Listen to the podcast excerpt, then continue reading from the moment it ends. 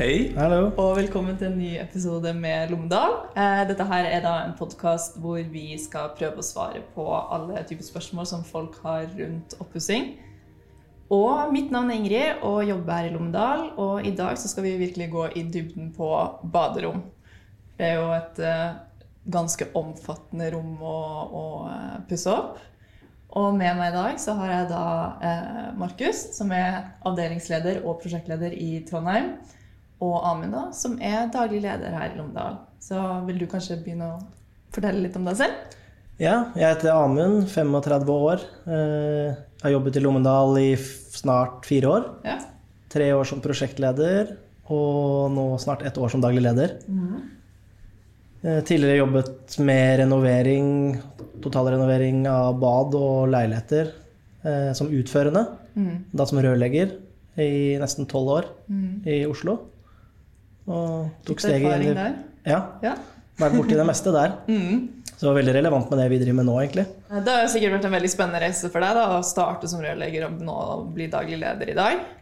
Ja, det var veldig gøy fordi jeg merket at jeg fikk mer og mer ansvar som rørlegger, og begynte å få mer og mer egne prosjekter. Og hadde styrt en del store leilighetsprosjekter på Frogner blant annet. Og det var da jeg virkelig kjente at okay, nå er jeg faktisk litt lei av det å, å skru. Nå vil Ja. jeg heller styre litt mer, da. Overordna og være litt mer prosjektleder, da. Ja. Så når denne jobben dukka opp, så er det perfekt å søke på den. Rått. Og du, da? Ja, jeg kommer jo fra murer- og flisleggerbransjen. Eh, Jobba som murer- og flislegger. da. Og så eh, fikk jeg tilbud om å komme inn på prosjekterende salg. Ida Bergersen Flis. Eh, noe jeg syntes var interessant, da jeg hadde to kneoperasjoner og var egentlig eh, skjønte at det murerbransjen var egentlig ikke noe for meg i det lange løp. Gikk jeg inn som eh, prosjektselger der. Eh, Jobba der ei stund, og så ved å jobbe der så kom jeg i kontakt med Lommedal. Hadde dem som kunde. Og så, etter et nærmere møte og litt sånn fram og tilbake, så fikk jeg spørsmål om jeg ønska- å begynne i Romdal da, som prosjektleder. Og da med en baktanke om å eventuelt eh, starte opp en avdeling i Trondheim eh, etter hvert. Ikke sant? Eh, Så tenkte jeg det var, virka jo veldig interessant. Så da tok tenkte jeg at jeg har ikke noe å ta på å prøve å, å ta det steget der. Eh, Så starta jeg som prosjektleder her i Lommedal, og så etter eh, ja, en tid så var det på tide å starte opp i Trondheim. Det har vært kjempekult. da. Det, det var jo nå i september at vi åpna den avdelinga. Det har jo virkelig vært liksom stort for oss da, å endelig åpne en avdeling i en ny by. Og det er jo sikkert veldig spennende for deg også på en måte få det ansvaret. Ja, utvilsomt. Ja. Veldig spennende og eh, ja. Det er mye som hører med den, eh, det ansvaret da, å, å gå i gang i en ny by. Eh, Men det har vært lærerikt, og, og så går det jo bra. ja. Vi har jo fått eh, noen prosjekter nå. Og, Det har gått egentlig mye bedre enn forventa. ikke sant? Så, men det vi skal snakke litt om i dag, da, er jo baderom. Eh, og jeg tenkte jo det, For det første så har jo du den rørleggererfaringen, og du har fliseerfaring, og vi, eh, det er jo et veldig komplekst rom da, som koster veldig mye å pusse opp. Og det er jo det liksom folk lurer på, hvorfor er det så sjukt dyrt å pusse opp et bad? Du kan liksom heller kjøpe, deg, altså, kjøpe meg en bil, eller skal jeg kjøpe meg et nytt bad? Og hva, altså, så, så det jeg tenker vi kan dykke litt inn i, da, er liksom, hva- er det som gjør at det koster så sykt mye? Et våtrom er jo kanskje det mest tekniske rommet da, Ja. i et hus. Eh, kanskje det rommet hvor det blir brukt dyrest materialer, eh, hvor det kreves dyres materialer, og hvor det kanskje kreves materialer som har den tekniske godkjenningen som skal til da, for å skal ha lov til å bruke de. Og med teknisk godkjenning og den kvaliteten så kommer jo også en pris. Ja.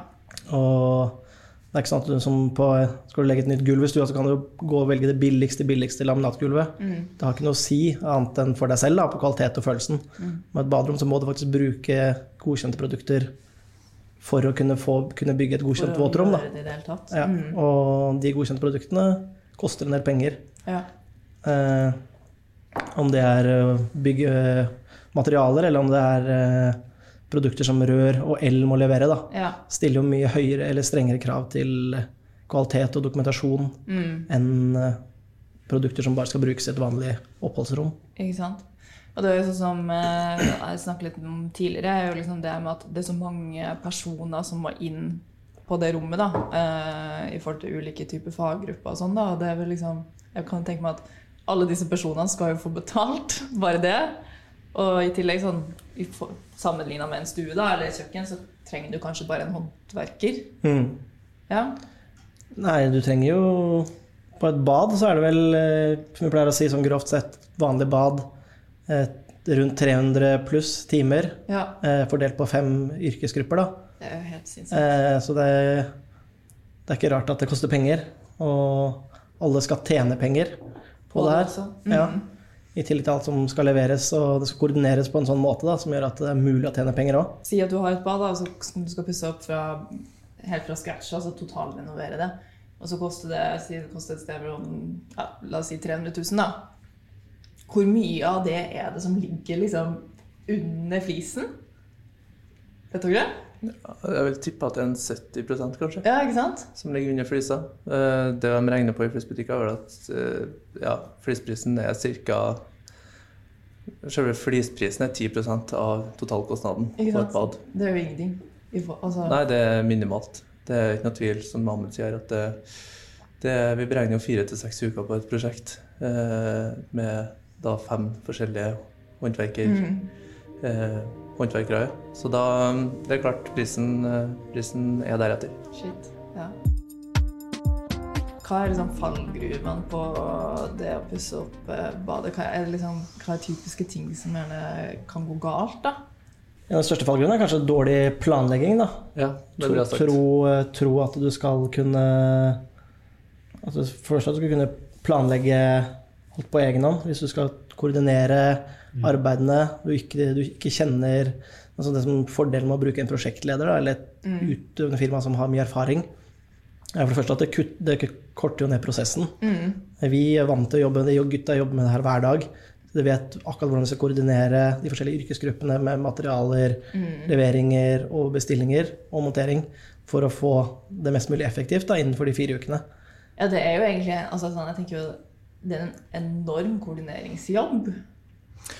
Ja, det er jo et eget fag Ja. å være prosjektleder. Eh, og det vi Jeg har jo vært på eh, prosjekt jeg òg, der eh, kundene ønsker å planlegge ting sjøl. Eh, og ser at det Ja, tida springer den.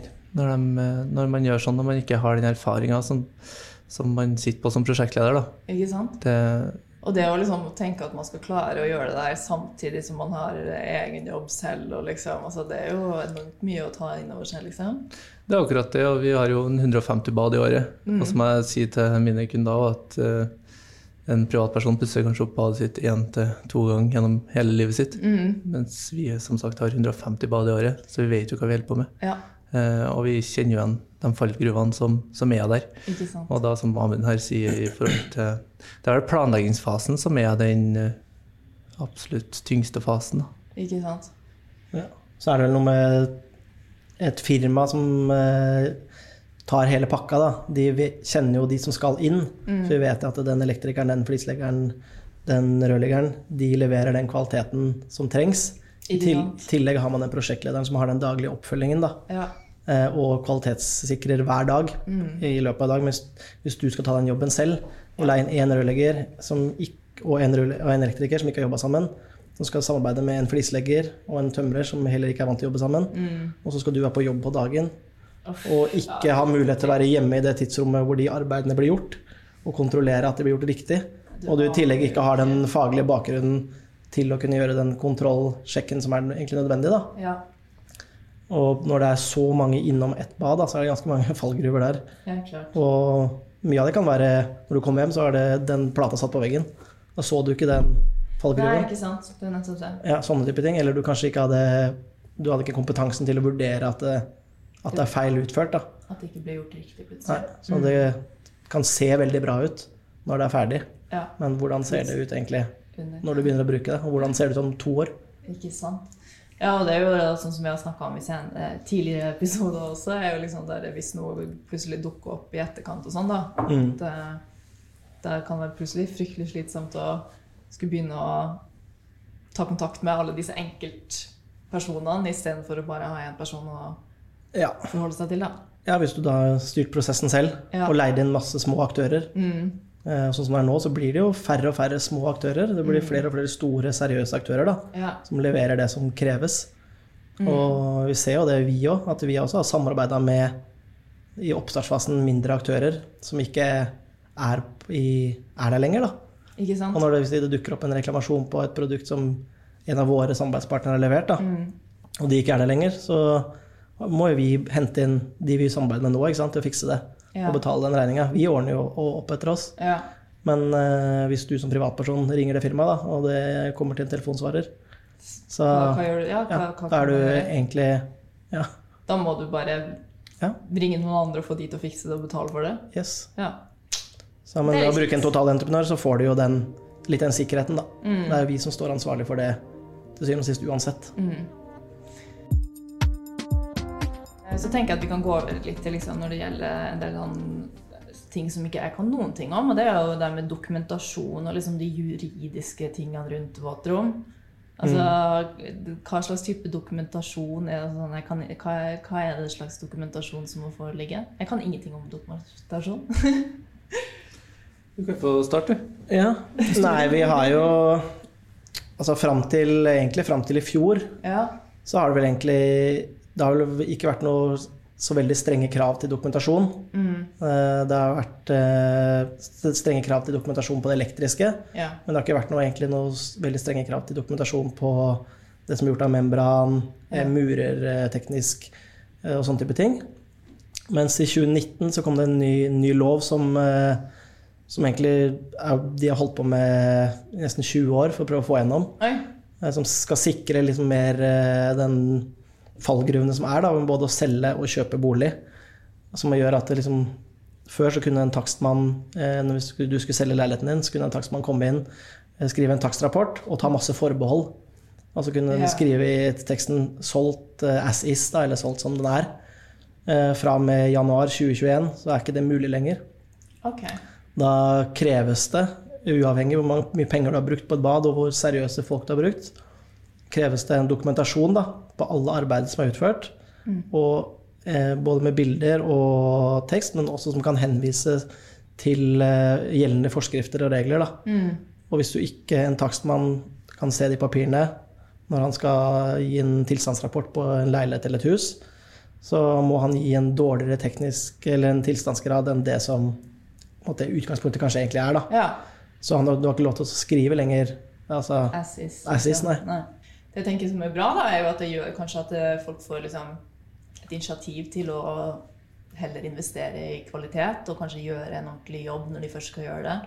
ja. Du får på en måte igjen for det når du eventuelt skal selge, eller liksom Det vil jo bli, det vil nok være en prosess der hvor eh, det her Altså vi i bransjen får jo med oss det her, mm. men privatpersoner får ikke med seg det her.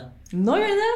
Nå gjør de det. Fikk informasjon her. Ja. Det er ganske vesentlig informasjon, for hvis du Ja.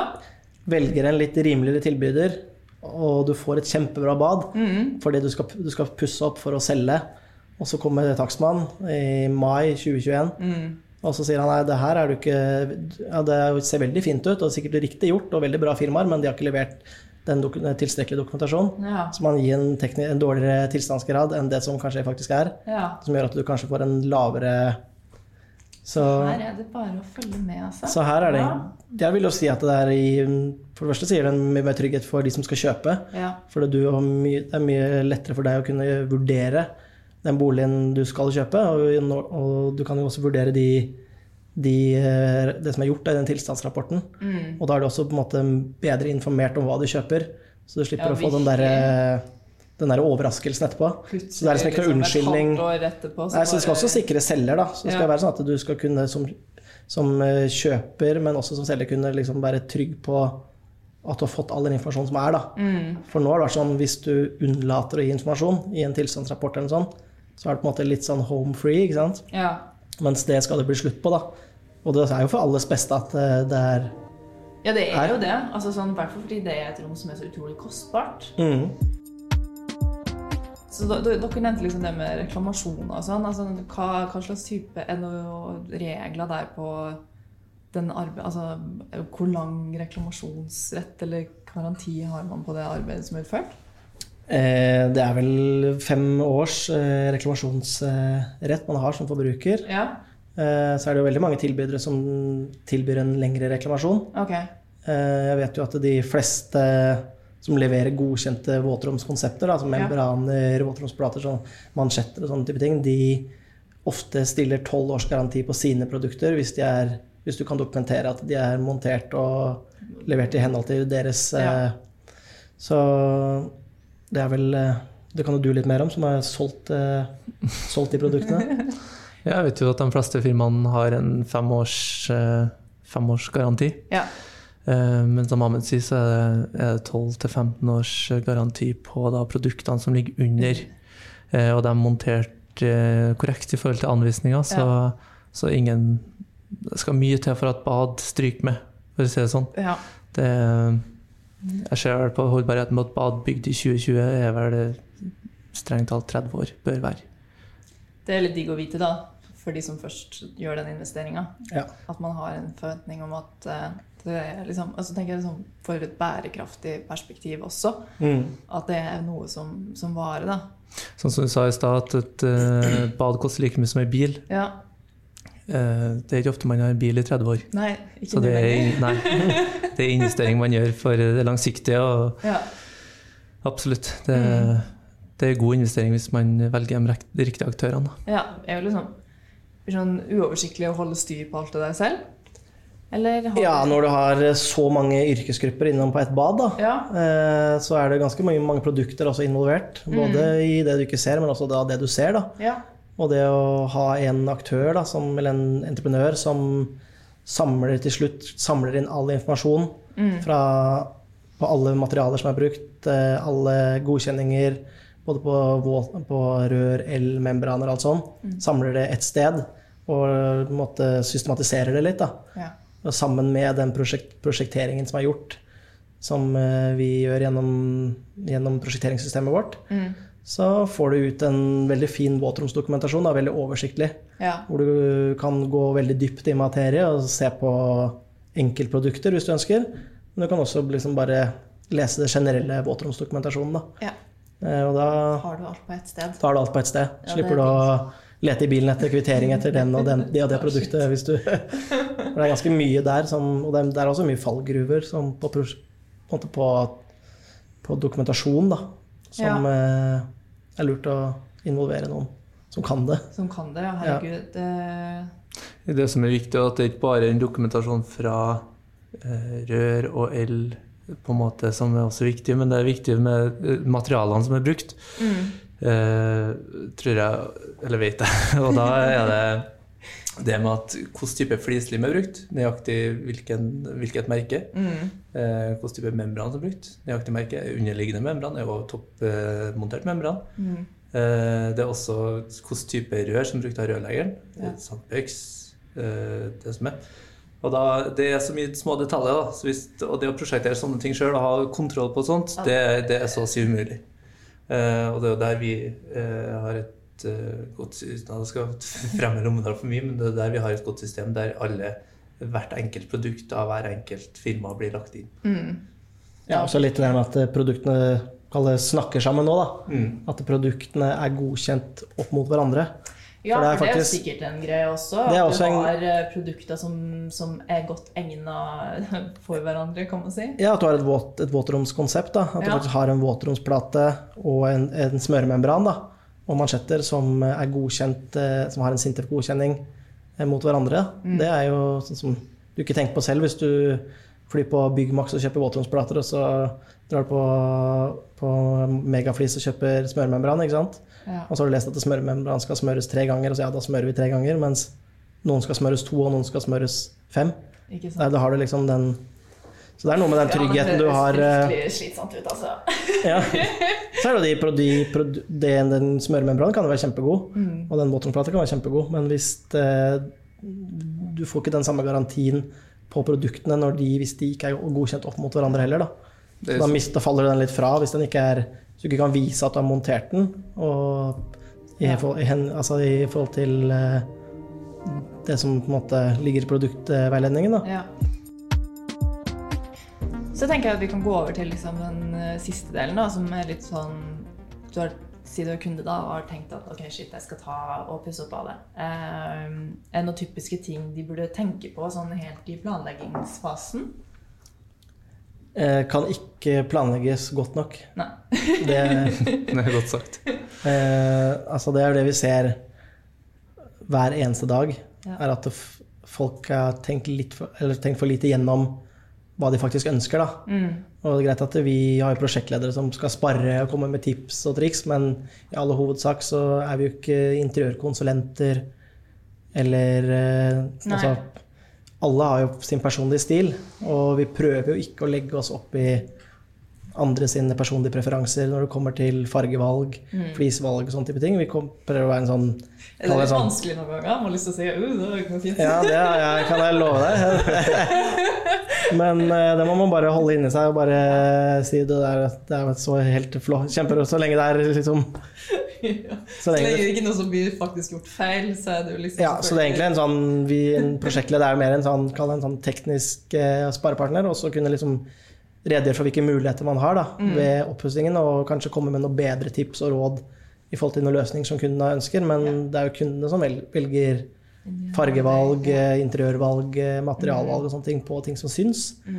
Og der eh, må folk bli enda flinkere. Ja. For hvis du har gjort en god jobb i forkant, før eh, du begynner prosjektet, så vil du se at det vil flyte mye bedre. ja. Det blir mye mer effektivt, det vil gå mye fortere. Og blir mye mindre spørsmål. Og kvaliteten på arbeidene i alle ledd, alt fra pros prosjektleder til håndverkere, vil også bli mye bedre når det er ikke noe usikkerhet rundt hva som skal gjøres. da. Hvordan det faktisk skal bli. Men jeg skjønner jo også som kunde da, at det må være vanskelig. Altså, du vet jo, altså, sånn, hvis du aldri har gjort det før, da. Har jo ingen aning. Eh, hvor, for det første, hva, hva vil jeg ha? Hva er det jeg trenger? Altså, er det noen tips i forhold til å få liksom, noen, Hvordan ville du gått fram hvis du, hvis du skulle starte med et bad og begynne å pusse opp? Altså, jeg tenker sånn Jeg la oss tatt, starta med uh, kontakt av firma Ja. Uh, og, og velge seg for en partner. Mm, Og så få rådgivninga fra dem. mm, Bruk litt tid på det. For det, det å velge flis bare er en prosess som kan ta fra eh, fire timer til fire uker. ja. Eh, Og så er det leveringstid på det også. det er også er fire uker leveringstid. Opp Ja. seks, opp til åtte. Så det, det er så mye det, Leveringstida er jo mange, der mange glemmer av, da. Mm, At eh, de ønsker å få badet sitt ferdig på helst eh, fire uker. Men så er leveringstid på seks uker på flisa, så og så har de ikke gjort det heller. Nei, de så det, så det å ha, den, ha litt tålmodighet, da. Mm. Skjønne at jo mer du legger i det, eh, jo bedre planlegginga er, jo bedre resultatet. Ja, jeg tenker hvis vi skal ta og oppsummere litt, da, så først og fremst så er det jo det med bad er jo en ganske heavy prosess. Så det vi vil si, da, er kanskje skal du pusse opp ting, så det er mange rom man kan pusse opp selv. Og Mm. gjøre mye jobb selv. Men akkurat når det gjelder bad, så er det nok lurest å stole på fagfolk. Virkelig. Jeg Utvilsomt. tror det. Ja. Eh, og tenk også på liksom, de bærekraftige aspekter ved det. Altså, det er kanskje en dyr investering, men sånn som dere sier, da, når man får disse nye forskriftene om, om eh, dokumentasjon og sånn, så, så kan det kanskje hende at det lønner seg mer også i lengden, da. Vil du si? Helt utvilsomt. Ja.